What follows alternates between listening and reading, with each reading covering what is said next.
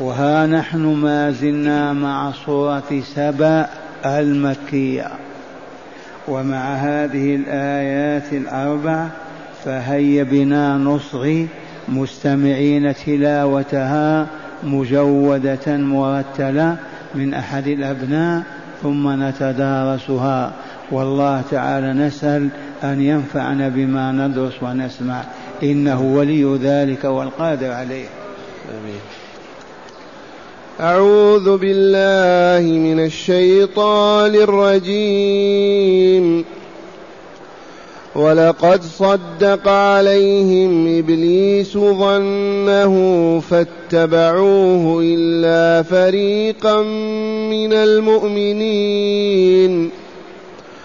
وما كان له عليهم من سلطان الا لنعلم من يؤمن بالاخره إلا لنعلم من يؤمن بالآخرة ممن هو منها في شك وربك على كل شيء حفيظ قل ادعوا الذين زعمتم من دون الله لا يملكون مثقال ذرة في السماوات ولا في الأرض وما لهم فيهما من شرك وما له منهم من ظهير ولا تنفع الشفاعة عنده إلا لمن أذن له. حتى إذا فزع عن قلوبهم قالوا ماذا قال ربكم؟ قالوا الحق وهو العلي الكبير. أحسنت. معاشر المستمعين والمستمعات من المؤمنين والمؤمنات السورة مكية كما علمتم. والسور المكية تعالج العقيدة لتصححها ليصبح صاحبها حيا كامل الحياة. يسمع ويبصر يعطي يأخذ لكمال حياته. وأعظم أركان هذه الحياة لا إله إلا الله اولا أي لا يستحق أن يؤله بالعبادة إلا الله. ثانيا محمد رسول الله. أرسله إلى الناس كافة ليهديهم إلى طريق نجاتهم وسبيل سعادتهم. ثالثا البعث الآخر الدار الثانية القيامة الحساب والجزاء يوم القيامة. وقوله تعالى ولقد صدق عليهم إبليس ظنه مر بنا الآيات موجهة إلى مشرك العرب في مكة والصورة مكية. ثم ذكر تعالى أحداث من أعظمها حدث داود وسليمان. وكيف أنعم الله تعالى عليهما وكيف عبدوا الله ووحدوه وسبحوه وقدسوه. ثم بعد ذلك انقلب الوضع وزين الشيطان الناس عبادة الدنيا والهوى والشياطين فانصرفوا عن الله عز وجل. هذا مثل مثل ثاني أولاد سبع بن يشجب بن عرب القحطاني كانوا على خير ما يكونون. ورزقهم الله من متاع هذه الدنيا بإيمانهم وصلاح أعمالهم حتى أصبح أحدهم لا يحمل زادا من قرية إلى قرية. من صنعاء إلى الشام. ثم فسقوا فجروا أشركوا فسلبهم الله ذلك. وما زالت سنة الله إلى اليوم. يعطي للعبد وينظر أيشكر أم يكفر؟ فإن شكر زاده وإن كفر سلبه ما أعطاه. سواء بعد عام بعد مئة سنة. إن ربك لبالمرصاد. يبتلي يختبر يمتحن إما بالنعيم وإما بالعذاب والبلاء فمن صبر وشكر أعلى درجته ورفعه. ومن جزع وسخط وغضب ولم يشكر وكفر سلبه ما أعطاه وعذبه يوم القيامة. هنا يقول تعالى ولقد صدق قراءة حفص ولقد صدق قراءة هكذا صدق عليهم إبليس ظنه. ما هو الظن هذا الذي ظنه؟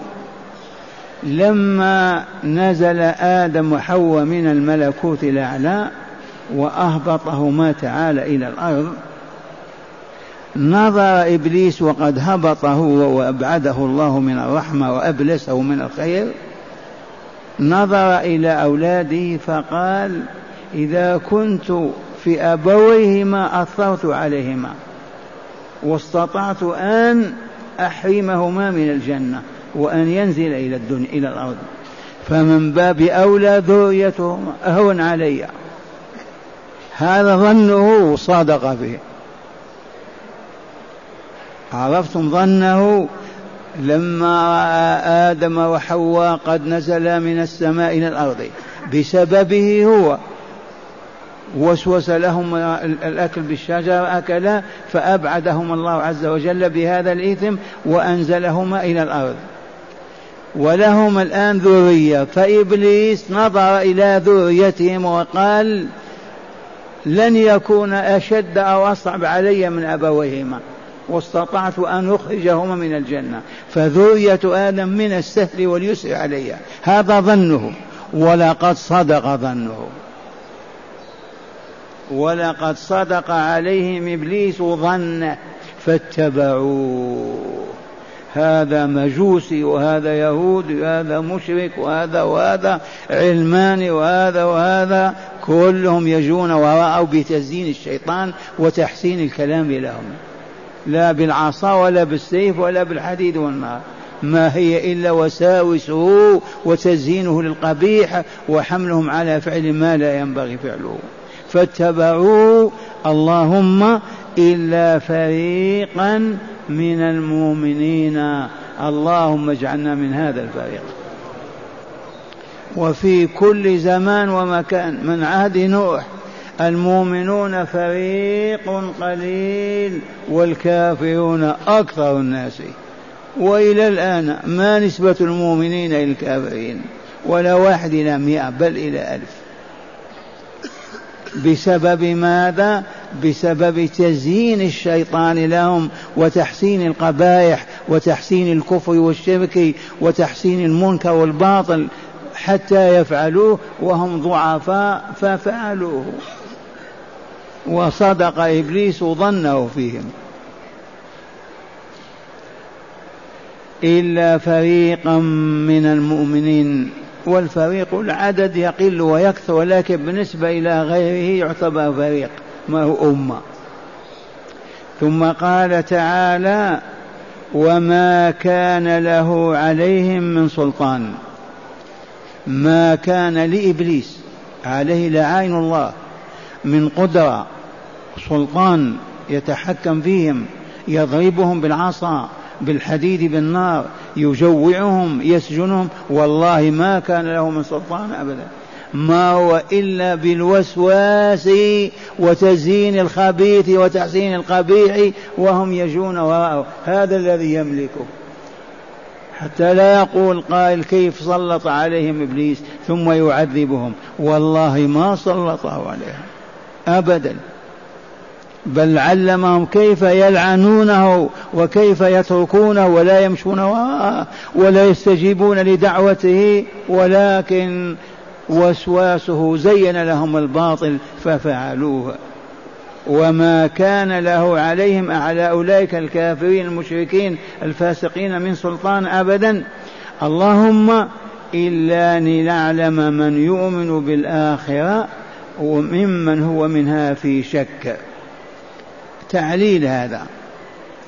إن قلت لي ما جعل الشيطان يزين ويحسن الجواب من أجل أن يكون للنار أهل وللجنة أهل. أن يكون لله أولياء ويكون للشياطين أولياء. إلا لنعلم من يؤمن بالآخرة. وهنا خص الآخر مقام بالله ولا بالرسول. لما علمتم من أن الذي يؤمن بالدار الآخرة ما يستطيع أن يعيش على اعوجاج وباطل وشر أبدا. ومن فقد الإيمان بالدار الآخرة أو نسيه أو تجاهله والله لا يستقيم ولا يقدر على الاستقامة أبدا. الإيمان بيوم القيامة بالحساب والجزاء في الدار الآخرة بعد نهاية هذه الدار. هذا الإيمان صاحبه وإن عوج يوما يستقيم دهرا وإن أساء يوما يحسن عشرات الأيام. ما دام هذا النور في قلبه. أما من فقد الإيمان بيوم القيامة وقال لا بعث ولا جزاء ولا حياة ثانية أخرى إنما هذه الحياة الدنيا فقط كما زين الشيطان لأوليائه والكافرون هكذا يقولون هؤلاء لا خير فيهم البت بالقطع. وهذا كلام الله عز وجل إلا لنعلم من يؤمن بالآخرة ممن هو منها في شك. كان بعضها في شك. الآن ما هو شك؟ لا يؤمنون بالآخرة. لا روسيا ولا اليابان ولا الأمريكان ولا ولا. إلا من شاء الله. وربك على كل شيء حفيظ عليم وحفيظ يحصي أعمال العباد ويحفظها ويجزيهم بها. الحسنة بعشر أمثالها والسيئة بمثلها. وهذا بيان ما علمتموه وهو لو سئلت لما أوجد الله هذه الحياة الدنيا وكانت عدما لا وجود لها. لما أوجدها ثم أنزل آدم وحواء إليها وبارك في نسلهما وذريتهما فأصبحت البشرية ملايين الخلق. لما فعل الله هذا؟ الجواب أراد عز وجل أن يذكر ويشكر فخلق آدم وحواء وبارك في ذريتهما وعلمهما كيف يعبدون ويشكرون.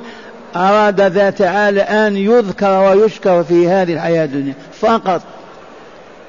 لا هدف ولا غرض أبدا إلا أن يذكر ويشكر. والدار الآخرة إذا لماذا أوجدها؟ ما اكتفى بهذه الدار؟ هذه الدار دار الفناء. نشاهد كيف نفنى يوم بعد يوم. أغمض عينيك وفكر مئة سنة ما يبقى واحد من الموجودين قط. وتأتي أمم أخرى. إذا هذه دار الفناء والدار الآخرة لماذا أوجدها؟ بعد هذه أوجدها من أجل أن يجزي الذاكرين الشاكرين بالنعيم المقيم ويجزي الكافرين الناسين بالعذاب الأليم. والله العظيم. لو سئلت لما أوجد الله هذه الدار. الجواب على لسانك. إذ قال تعالى وما خلقت الجن والإنس إلا ليعبدوني بذكري وشكري لما أوجدت الدار الثانية يا ربي للجزاء على العمل في هذه الدنيا. فالذين يؤمنون ويعملون الصالحات يجزيهم بالنعيم المقيم يسكنهم الجنة فوق السماء السابعة يخلدون فيها أبدا والذين يكفرون ويشركون ويفجرون ويفسقون فتخبث أنفسهم ويموت على ذلك لهم جزاء الخلود في دار البرار في جهنم والعياذ بالله في أسفل سافلين. ذي هذه حقيقة ما ننساها. هكذا يقول تعالى ولقد صدق عليهم إبليس ظنه فاتبعوه إلا فريقا من المؤمنين ونحن إن شاء الله منهم. وما كان له عليهم سلطان. والله ما لإبليس على أحد من سلطان أي بالعصا أو الحديد أو النار ابدا. ما هو إلا بالكلام والوسواس. لا أقل ولا أكبر. ولم فعل الله هذا؟ قال لنعلم من يؤمن بالآخرة ممن هو في منها في شك وربك على كل شيء حفيظ فيجزي العاملين بأعمالهم الصالحة بالجنة والفاسدة بالنار. ثم قال تعالى لرسوله صلى الله عليه وسلم قل ادعوا يا مشرك العرب. في مكة وخارجها والرسول في مكة والآية تنزل قل لهم ادعوا الذين زعمتم من دون الله. ادعوهم يا لات يا عزى يا هبل يا كذا يا كذا. ادعوهم اطلبوا منهم. لما؟ فإنهم والله لا يملكون مثقال ذرة لا في السماوات ولا في الأرض. تدعوهم إذا شخص لاصق بالأرض جائع يموت بالجوع تقول من فضلك أعطيني شيء. منين يعطيك؟ هؤلاء لا يملكون وزن ذرة وزن نملة في السماوات ولا في الأرض. كيف تدعونهم؟ يدعونهم يطلبون منهم وانتهى الشرك وحل التوحيد محله ومضت ثلاثة قرون وعاد الشرك بين العرب والمسلمين والعجم. يا سيدي عبد القادر يا رسول الله هذا يقول يا فاطمة يا حسين هذا يقول يا عبد القادر يا مولاي فلان. وهكذا النساء والرجال من أندونيسيا إلى موريتانيا يدعون غير الله. تحت عنوان الاستشفاع والتوسل وهم لا يعلمون أن هؤلاء الذين يسألونهم والله لا يملكون مثقال ذرة وزن ذرة لا في السماوات ولا في الأرض. قل لهم يدعوا ماذا يستفيدون من دعائهم يعطونهم الطعام والشراب واللباس يرفعون عنهم الأذى والضرر والمرض الجواب لا. يتحداهم ادعوا الذين زعمتم من دون الله أنهم آلهة يعطون ويمنعون إنهم لا يملكون مثقال ذرة في السماوات ولا في الأرض. هذا أولا. والله ما فيه من يملك مع الله وبدون الله مثقال ذرة لا في السماء ولا في الأرض إلا من ملكه الله وأعطاه.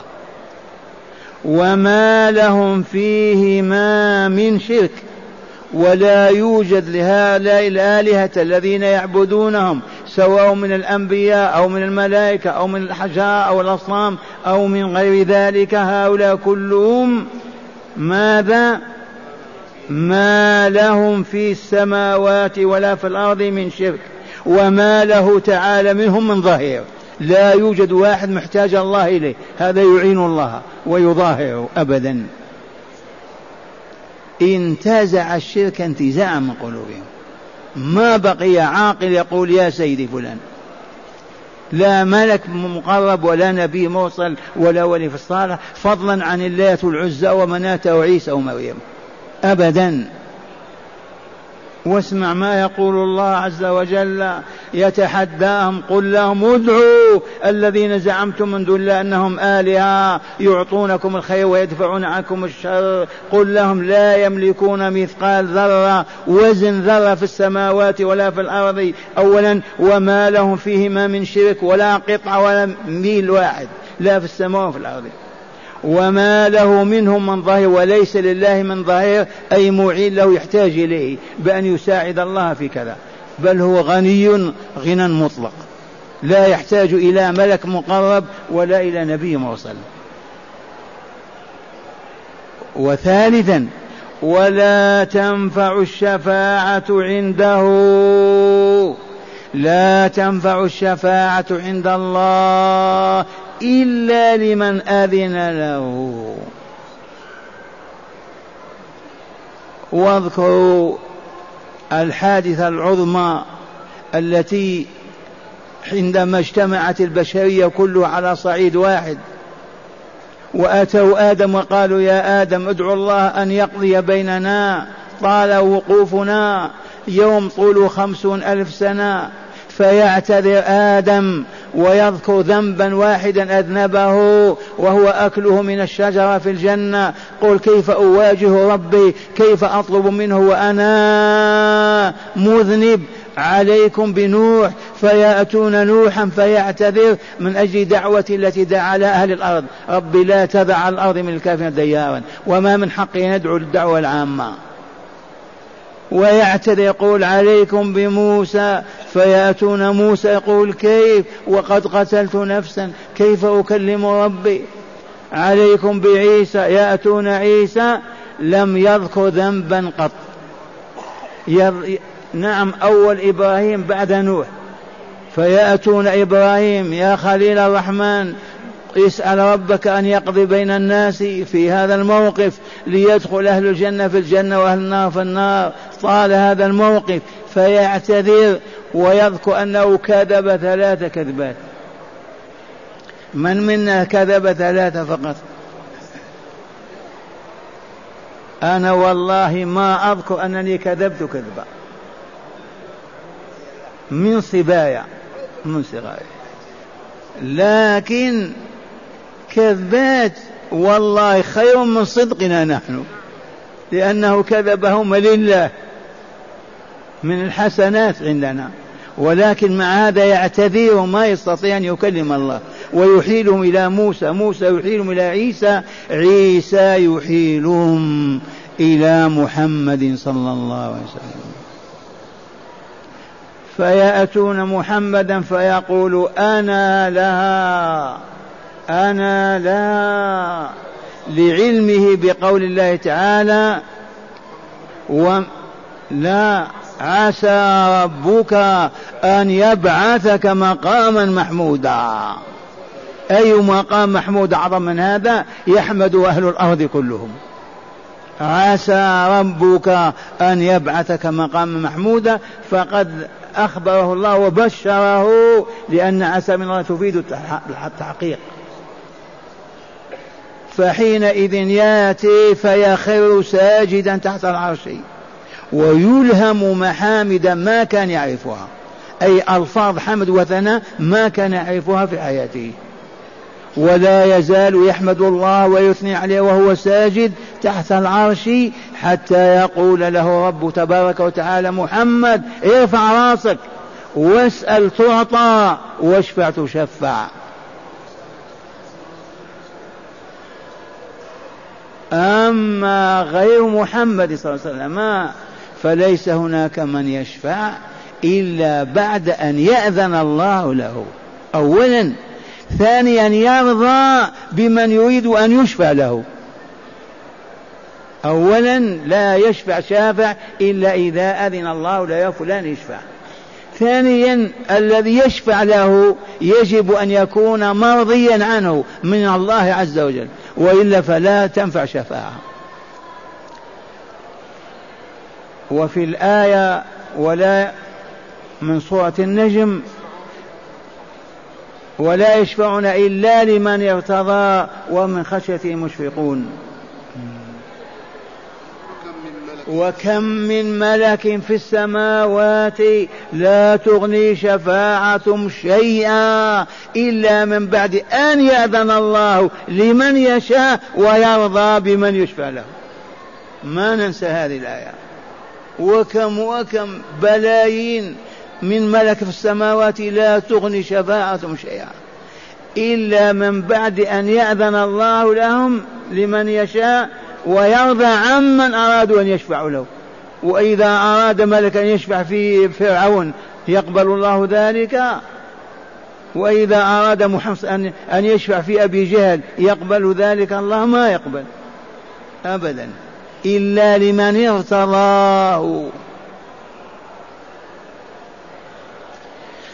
ولا تنفع الشفاعة عنده إلا لمن أذن له حتى إذا فزع عن قلوبهم قالوا ماذا قال ربكم؟ قالوا الحق وهو العلي الكبير. ماذا تفهمون من هذا؟ قال ولا تنفع الشفاعة عند الله إلا لمن أذن الله له أن يشفع وإلا لا أذن الله لفلان يشفع. فشفع. ثبات. فإذا تكلم الله عز وجل وأذن يصاب ذاك الذي كان يطلب الشفاعة بإغماء. خوف فزع. بل الملائكة يصعقون إذا سمعوا كلام الله. حتى إذا ذهب الخوف وذلك الفزع سألوا قالوا ماذا قال ربكم؟ قالوا الحق وهو العلي الكبير. الملائكة إذا شفعوا وتكلم الله يغمى عليهم يصعقون. حتى إذا ذهب ذلك الفزع والخوف والهلع تكلم بعضهم ماذا قال ربنا؟ قالوا قال الحق وهو العلي الكبير. ومن هنا أيأس الله المشركين في مكة من طلبهم الشفاعة من غير الله. لا ملك مقرب ولا نبي مرسل ولا ولي صالح ولا ولا ولا فضلا عن الأصنام والتماثيل والأحجار. هذه الحقيقة معاشر المستمعين والمستمعات من أراد أن يطلب الشفاعة فليطلبها من الله عز وجل. لا يطلبها من رسول الله ولا من فاطمة ولا من الحسين ولا من ولي من الأولياء ولا من ملك من الملائكة. لا تطلب الشفاعة إلا من الله. ربي شفع في نبيك. اللهم شفع في نبيك. فإذا استجاب الله عز وجل شفع النبي فيك لأنه رضيك أن يشفع لك. أما الله يا رسول الله اشفع لنا كما يقول العوام والله باطل وباطل وشرك وحرام ولا يجوز. لو كان الرسول بين أيدينا هل يأتيه رجل يقول يا رسول الله اشفع لي يوم القيامة؟ والله ما يقولها إذ ما يملك رسول الله أن يشفع إلا إذا أذن الله. هل بلغكم أن صحابيا أو صحابية أتت نفسها وقالت يا رسول الله أسألك الشفاعة يوم القيامة؟ والله ما كان. من أين تطلب الشفاعة من الله؟ الدعاء هو العبادة ومخها فمن أراد أن يسأل الله شيئا فليسأل الله. أما أن يسأل ملكا أو نبيا أو عبدا صالحا فهو لاهي ولاعب وباطل ولا يستجاب له. عدنا إلى الحقيقة وهي لا إله إلا الله. لا يدعى ولا يطلب ولا يستغاث به ولا يستعاذ به ولا يطرح بين يديه ولا نقبل وجوهنا عليه ولا نخر ساجدين بين يديه إلا الله فقط. ما عدا الله فليس هناك في الأرض ولا في السماء من يملك مثقال ذرة مع الله. حتى نسأل هذا المخلوق ونقول أعطيني أو أفعل بي كذا وكذا. هيا بنا مع هداية الآيات. بسم الله والحمد لله. من هداية هذه الآيات أولا بيان أن إبليس صدق ظنه في بني آدم وأنهم سيتبعونه ويغويهم. أولا بيان صدق إبليس ظنه صدق إبليس ظنه وأن أولاد آدم سوف يأخذ منهم ما أخذ. أخذ نسبة عشرة في المئة وتسعة وتسعين في المئة. ثانيا ثانيا تقرير التوحيد وأنه لا إله إلا الله ولا يستحق العبادة سواه. تقرير التوحيد وهو أنه لا إله إلا الله وأنه لا يستحق أن يعبد مع الله أحد. لا يعبد إلا الله لا باللسان ولا بالقلب ولا بالجوارح. العبادة لن تكون إلا لله عز وجل لا لمخلوق من المخلوقات. ثالثا بيان بطلان دعاء غير الله إذ المدعو كائنا من كان لا يملك مثقال ذرة أيوة. في الكون لا بالاستقلال ولا بالشركة. الله وليس لله تعالى من ظهير أي ولا معينين يمكن التوسل بهم. وأخيرا والشفاعة لا تتم إلا بإذنه ولمن رضي له بها. ولذلك بطل دعاء غير, غير الله ومن دعا غير الله من ملك أو نبي أو ولي أو غيرهم فقد ضل الطريق وأشرك بالله في أعظم عبادة وهي الدعاء والعياذ بالله. تعالى. والعياذ بالله. نسمع الآيات مرة ثانية. أعوذ بالله من الشيطان الرجيم. ولقد صدق عليهم إبليس ظنه فاتبعوه. فاتبعوه إلا فريقا من المؤمنين. اللهم اجعلنا منهم. وما كان له عليهم من سلطان إلا لنعلم من يؤمن بالآخرة. إلا لنعلم من يؤمن بالآخرة ممن هو منها في شك. وربك على كل شيء حفيظ. قل ادعوا الذين زعمتم من دون الله. لا يملكون مثقال ذرة في السماوات ولا في الأرض وما لهم فيهما من شرك وما له منهم من ظهير.